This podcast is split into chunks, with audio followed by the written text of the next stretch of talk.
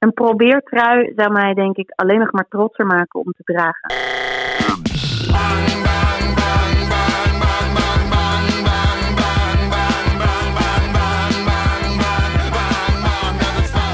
Welkom bij aflevering 5. Een aantal luisteraars vonden dat ons intro veel te lang was. En daar hebben ze helemaal gelijk in. Dus dankjewel voor deze feedback. De ingekorte versie is inderdaad veel beter.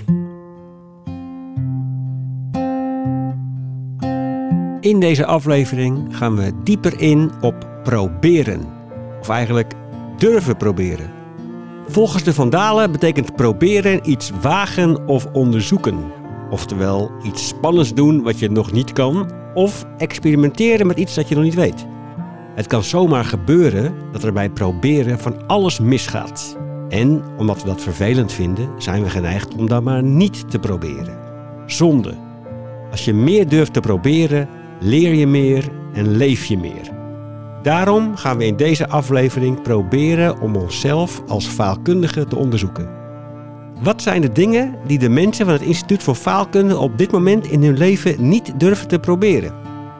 En we geven je daarbij alledaagse en praktische voorbeelden en proberen je te inspireren in juist wel te kiezen voor proberen. Tegen alle faalangst en perfectiestress in. Centraal in deze aflevering staat de vraag: wat zou je gaan proberen als je het niet meer perfect hoeft te doen? Want deze vraag ontmantelt onze hoge eisen en maakt de weg vrij voor de moed om te gaan proberen. De eerste die ik deze vraag stel is Nienke Cinema, faalkundig studentencoach. Nienke, als jij het niet perfect hoeft te doen, wat zou je dan proberen? Het eerste wat in mij opkomt is dat ik zou proberen om een trui voor mezelf te breien. Ik heb 15 jaar geleden leren breien en dat begon met een sjaal. En sindsdien is mijn groeicurve minimaal. Ik heb al 15 jaar lang ben ik altijd rechthoeken aan het breien. Sjaals en dekens en pannenlappen. Maar nooit heb ik de stap durven zetten om een andere vorm te breien. Het is ook dubbel, want de eerste sjaal die ik heb gebruikt, die ligt hier voor me. Het begin daarvan is, ziet, ziet er niet goed uit. Ik weet precies nog waar ik was, in Park Lepelenburg met een vriendin. Zij leerde me hoe het moest. Het is razelig, er zitten gaten in, maar ik ben gewoon door gaan breien. En op een bepaald ogenblik kreeg ik de slag te pakken. En je ziet de geschiedenis van mijn uh, ontwikkeling in die sjaal. En als ik hem omdoe, dan hangen die twee uiteinden voor mijn buik. En dan zie je de ene kant is helemaal gerafeld met gaten. En de andere kant is perfect, alsof hij in een fabriek is geproduceerd. En het is mijn favoriete sjaal, omdat juist het proces erin zit. En het niet meteen precies goed hoeft te lukken. Dat is waarom hij zo dierbaar is geworden. Dus ik kan mezelf dat ook vertellen als ik uh, wil proberen om een trui te breien. Dat het juist een mooie trui wordt als er missers in zitten. Alleen ik heb het nog steeds niet gedaan. En hoe komt dat dan, Nienke? Ja, ik denk eerlijk gezegd dat ik, zolang ik het niet doe, heb ik nog niet het bewijs dat ik het niet kan.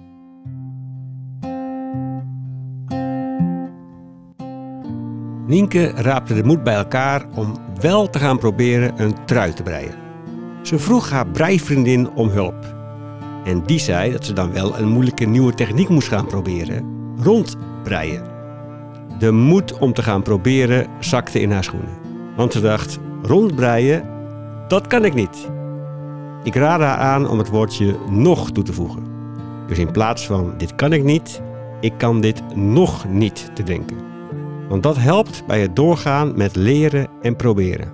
Dus dat zou misschien um, voor mij het beste werken als ik nu zeg: ik ga mijn vriendin Floortje bellen, die mij ook heeft geleerd hoe ik rechthoeken moet breien. Ja. En ik ga vragen of ik met mijn rondbrei naald bij haar op de bank mag oefenen. En, en dan, wat ga je dan oefenen? Nou, ik denk een mouw, want dat is rond. Oké, dus de start van je trui breien wordt een mouw. En die hoeft niet perfect, maar die ga je wel proberen. Ja. Ik ben uh, super benieuwd. Ik ook. Het is uh, leuk om daar gesprek over te voeren met een ander, want dan kun je je eigen blokkade een beetje wegkrijgen. Ja. En gewoon verzinnen wat een stap kan zijn. Ja. En die intentie zetten. Dat voelt heel fijn. Nou, super dank en heel veel succes met de mouw. Dankjewel. Hier komt wel een aap uit. De probeeraap. Precies. Eigenlijk hoop ik dat de aap uit de mouw gewoon een grote mislukking is. Dat je gewoon een hele foute mouw ga gaat maken. En dat die mij vervolgens omarmt.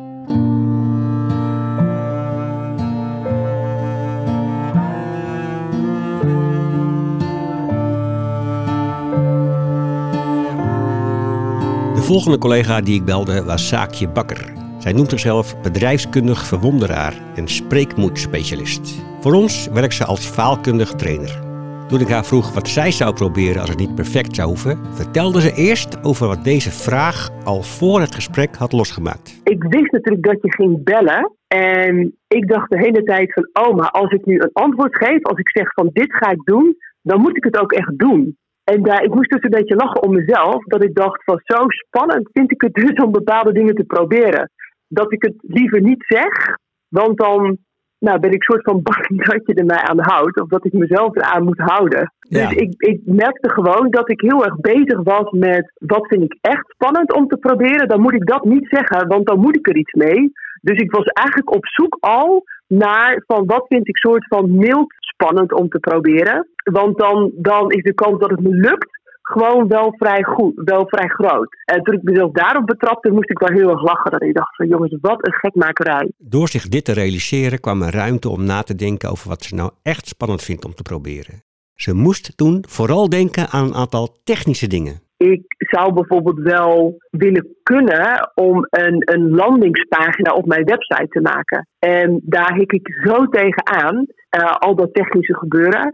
Huh? Een wat? Een landingspagina? Nou, dat wist ik ook niet hoor. Ik heb het even voor je opgezocht. Het is een speciale pagina op je website waar je bezoekers vanuit zoekmachines en social media naartoe laat gaan om ze een product van je te laten kopen ik weet van mezelf dat als ik zoiets bijvoorbeeld ga doen, als ik daarin moet duiken, dat ik eerst zo'n hele bak weerzin, dat ik daar doorheen moet, voordat ik mezelf überhaupt zover krijg dat ik achter een laptop ga zitten en, en dat uit ga zoeken. Ik heb ook zo geen zin in de frustratie van dat ik het niet meteen snap, of dat het niet meteen lukt, of, of dat het gewoon totaal niet doet wat ik wil.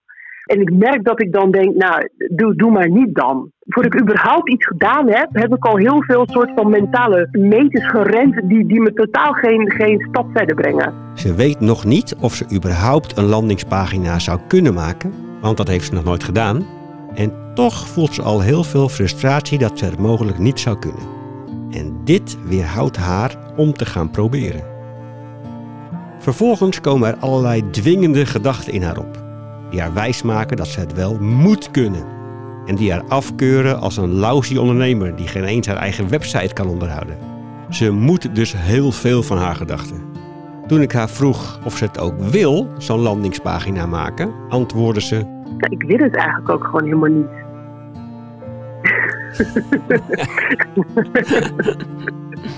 maar ik vind dat ik het zou moeten kunnen. Ja.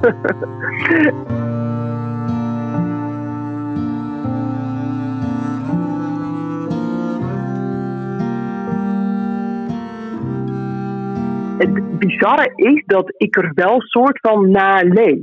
Ik ben wel heel gehoorzaam aan die stem. Nou, dat is echt een hele brave versie van mezelf. Het is druk in het hoofd van Zaakje.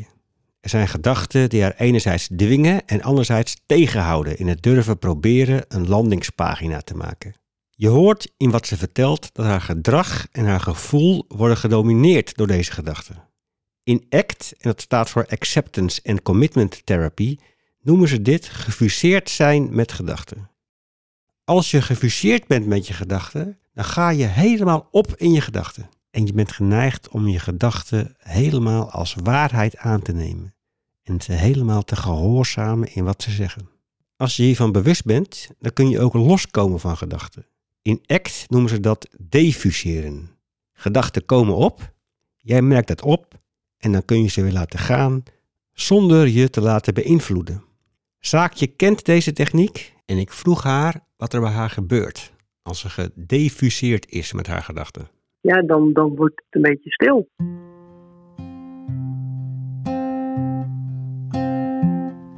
Dan is het net alsof ik naar een soort toneelstuk zit te kijken. Um, wat steeds verder van me af gaat staan.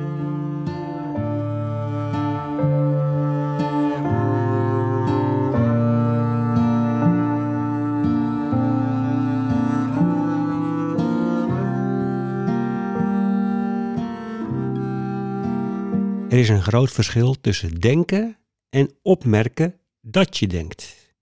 En dit opmerken dat je denkt, dat is diffusie. En in die toestand ben je eigenlijk de observant de toeschouwer van je eigen gedachten. En als toeschouwer hoef je je gedachten niet meer te gehoorzamen. En komt er ruimte om te kunnen doen wat echt belangrijk voor jou is. Ik vroeg dit ook aan Zaakje. Wat zou ze doen als haar gedachte niet meer gehoorzaamt, maar zelf doet wat belangrijk voor haar is? Nou, wat, wat ik dan gewoon echt superleuk zou vinden, is dat iemand gewoon zegt: Zaakje, weet je, dit, dit uh, zo ingewikkeld is het niet. Kom, uh, we gaan aan de keukentafel zitten. Jouw laptop, mijn laptop.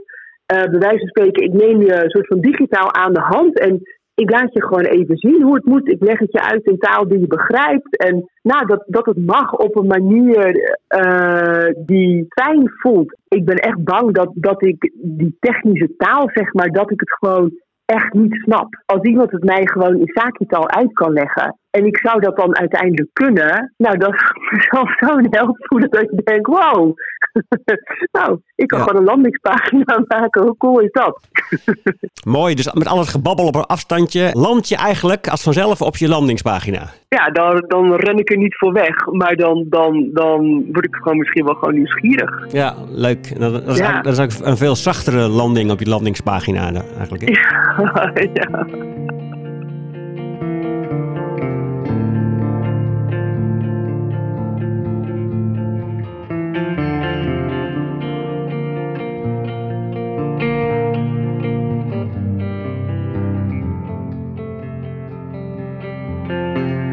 Tot slot van deze aflevering ga ik zelf met de billen bloot. Want ik vind het belangrijk om ook zelf met jullie te delen wat mijn worstelingen zijn met perfectiestress en durven proberen. Saakje en ik verwisselden van rol en zij interviewde mij. Remco, ik ben hartstikke benieuwd van eh, wat, wat zou jij nou willen proberen als het niet perfect zou hoeven? Nou, ik zal willen proberen om weer improvisatietheater te gaan spelen. Zonder perfectie. En voor de luisteraars, eh, improvisatietheater, dat is theater wat ter plekke wordt geïmproviseerd op het podium. En veel mensen kennen het van tv-programma's zoals De Lama's of De Vloer op. En ik heb dat eh, met heel veel plezier zo'n nou, bijna 30 jaar gespeeld. Maar twee jaar geleden liep ik opeens tegen perfectiestress aan. Ik had het idee dat, ik, eh, eigenlijk, dat het me niet meer lukte om, om te improviseren op het podium. Ehm, ik, werd, ik werd faalangstig en ik, ik, ik durfde het niet meer. En ik ben toen gestopt met spelen. En dat is eigenlijk heel, heel zonde, want theatersport, improvisatietheater, het heet ook wel theatersport, is altijd heel belangrijk geweest in mijn leven. Ik heb er heel veel plezier aan beleefd en eh, heel faalkunde is eigenlijk gebaseerd op improvisatietheater. Daar is het zaadje gelegd van ja, eigenlijk iets gaan doen zonder dat je weet wat je gaat doen en dat, dat het fout mag gaan. En het raar is dus dat ik, dat, dat, dat ik dus na jarenlang dat spelen eigenlijk in een omgekeerde situatie terechtkwam. In plaats van dat ik genoot van het proces, van mogen falen, nieuwe dingen uitproberen, werd ik steeds faalangstiger. Dus ik zou willen proberen om meer te gaan improviseren op het podium zonder dat ik een perfecte voorstelling hoef te spelen of dat ik perfect hoef te zijn.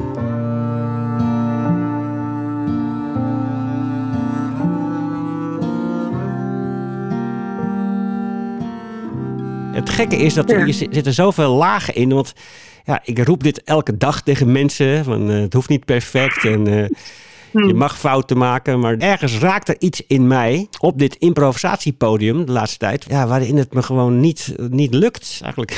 dus het lukt, het lukt me niet om faalkundig te zijn. Nee, En dat werd toen versterkt doordat we in onze groep toen... dat we eigenlijk heel erg bezig waren met een hele mooie voorstelling te maken. En dat vond ik ook altijd een soort paradox, hè, want we zijn aan het improviseren. Het gaat juist over het podium Ja. op durven springen en eh, nou, Ja. gewoon dingen uitproberen zonder dat het perfect hoeft te zijn. Maar we gingen steeds meer Ja. zoeken naar, omdat we echt een nieuwe vorm aan het ontwikkelen waren, naar hoe kunnen we een mooie voorstelling maken. En dat, dat vind ik nog steeds een beetje verwarrend, hè, want ik, ik vind het ook wel mooi om een mooie voorstelling eh, proberen te maken. Maar door te veel daarop te focussen, verloor ik eh, de lol om eigenlijk gewoon lekker aan te klooien. En lekker spelen Ja. en kijken wat er samen gebeurt. Ja, ik raakte ook uit de flow.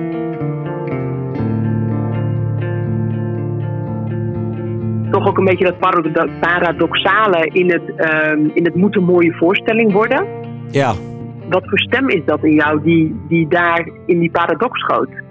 Ja, nou ja, ja dat is, uh, dat is mijn, mijn kritische Karel. Die, die, die zegt dat ik niet goed genoeg ben om op dit niveau te improviseren. Hmm. En die gaat, want Karel die is ook heel bezig dan met vergelijken met andere spelers. Als andere spelers dan uh, positief feedback krijgen, dan uh, roept Karel, zie je wel Remco, eigenlijk je hebt je glazen plafond bereikt in, in, het improvisatiespel. En je, je, komt niet verder. De andere mensen gaan verder, jij niet. Dus, dus stoppen maar mee. Ja, waar zit het hem nu in de, de spannendheid van het, van het proberen? Ja, dus dat ik dit zoveel geanalyseerd heb en zoveel over gevoeld heb, ook faalkundig dat ik eigenlijk mhm. dat ik uh, denk van oké, dit ga ik nu proberen. Maar dan moet ook het proberen zonder perfectie goed gaan. Snap je? Dus uh, ik zit in een enorme meta-vaalkundige loop. ja. Vermoeiend, hè? Ja, dat klinkt als gewoon nul ruimte. Ja, precies. Uh, ja, klopt. Het moet soort van perfect, maar het moet ook niet perfect. En of het moet soort van gemiddeld perfect. Het, Wow. Ja, is eigenlijk wat ik gewoon. Hè, dus als, als we weer gaan, als die groep weer, weer verder gaat, dan is denk ik voor mij het allerbelangrijkste, denk ik, om gewoon eens een keertje mee te spelen. En proberen ook, wat ik tegen jou net zei, om al die gedachten op een afstand te houden. En, uh, en dat gewoon ook spannend te mogen vinden. En misschien is het gewoon focussen op spelen, op het, in, op, in, in het moment zijn en kijken wat er gebeurt in het spel. Ja. Dus eigenlijk heb je het dan ook over nieuwsgierigheid. Ja. Ja, plus ook wel mijn onzekerheid ook wel meenemen hoor. Want ik denk dat ik ook ontspannender speel en durf te proberen als ik onzeker van mezelf mag zijn. Als ik erkenning kan geven aan het gevoel, ik ben onzeker geworden en ik heb faalangst gekregen. En dat is prima. Ik kan dat voelen en dragen en toch gaan spelen. Want ik denk ook dat het willen vermijden of controleren van zo'n onzeker gevoel, dat dat juist de kramp geeft. Zo van, ik wil me niet onzeker voelen bij improvisatietheater, dus kan je er maar beter mee stoppen. Dus ik geloof echt, en zeker ook nu met dit gesprek met jouw zaakje, dat het ontkrampend is als ik mag proberen weer improvisatietheater te gaan spelen. En ik hoef daarbij niet perfect te zijn. En ik mag daarbij wel onzeker zijn. Dus dat, dat ga ik proberen.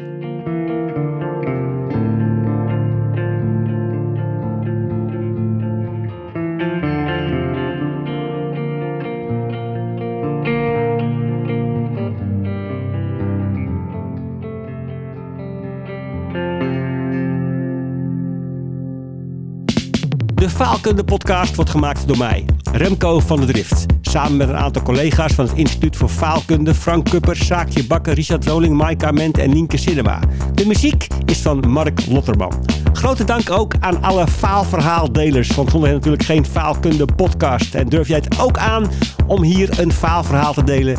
Geef je dan op door een mail te sturen naar info.instituutvoorfaalkunde.nl En als je blij bent met deze Faalkunde podcast Laat dan een review achter. Zo help je ons om gevonden te worden door nieuwe luisteraars. En draag je bij aan een faalkundigere wereld met minder angst om te falen.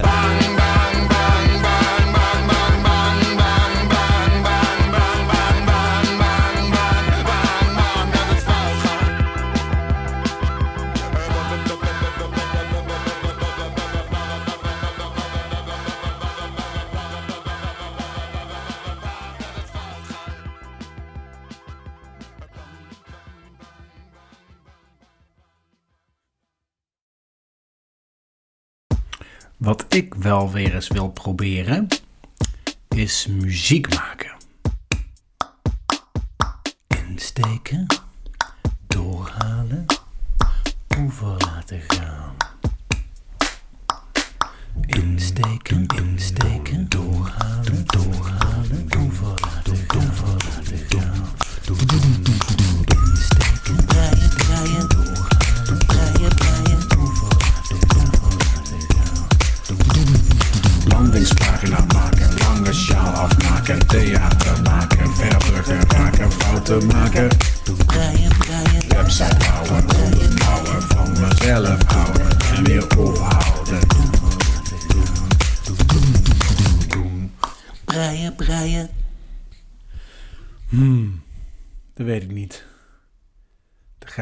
Opsturen dit hoor.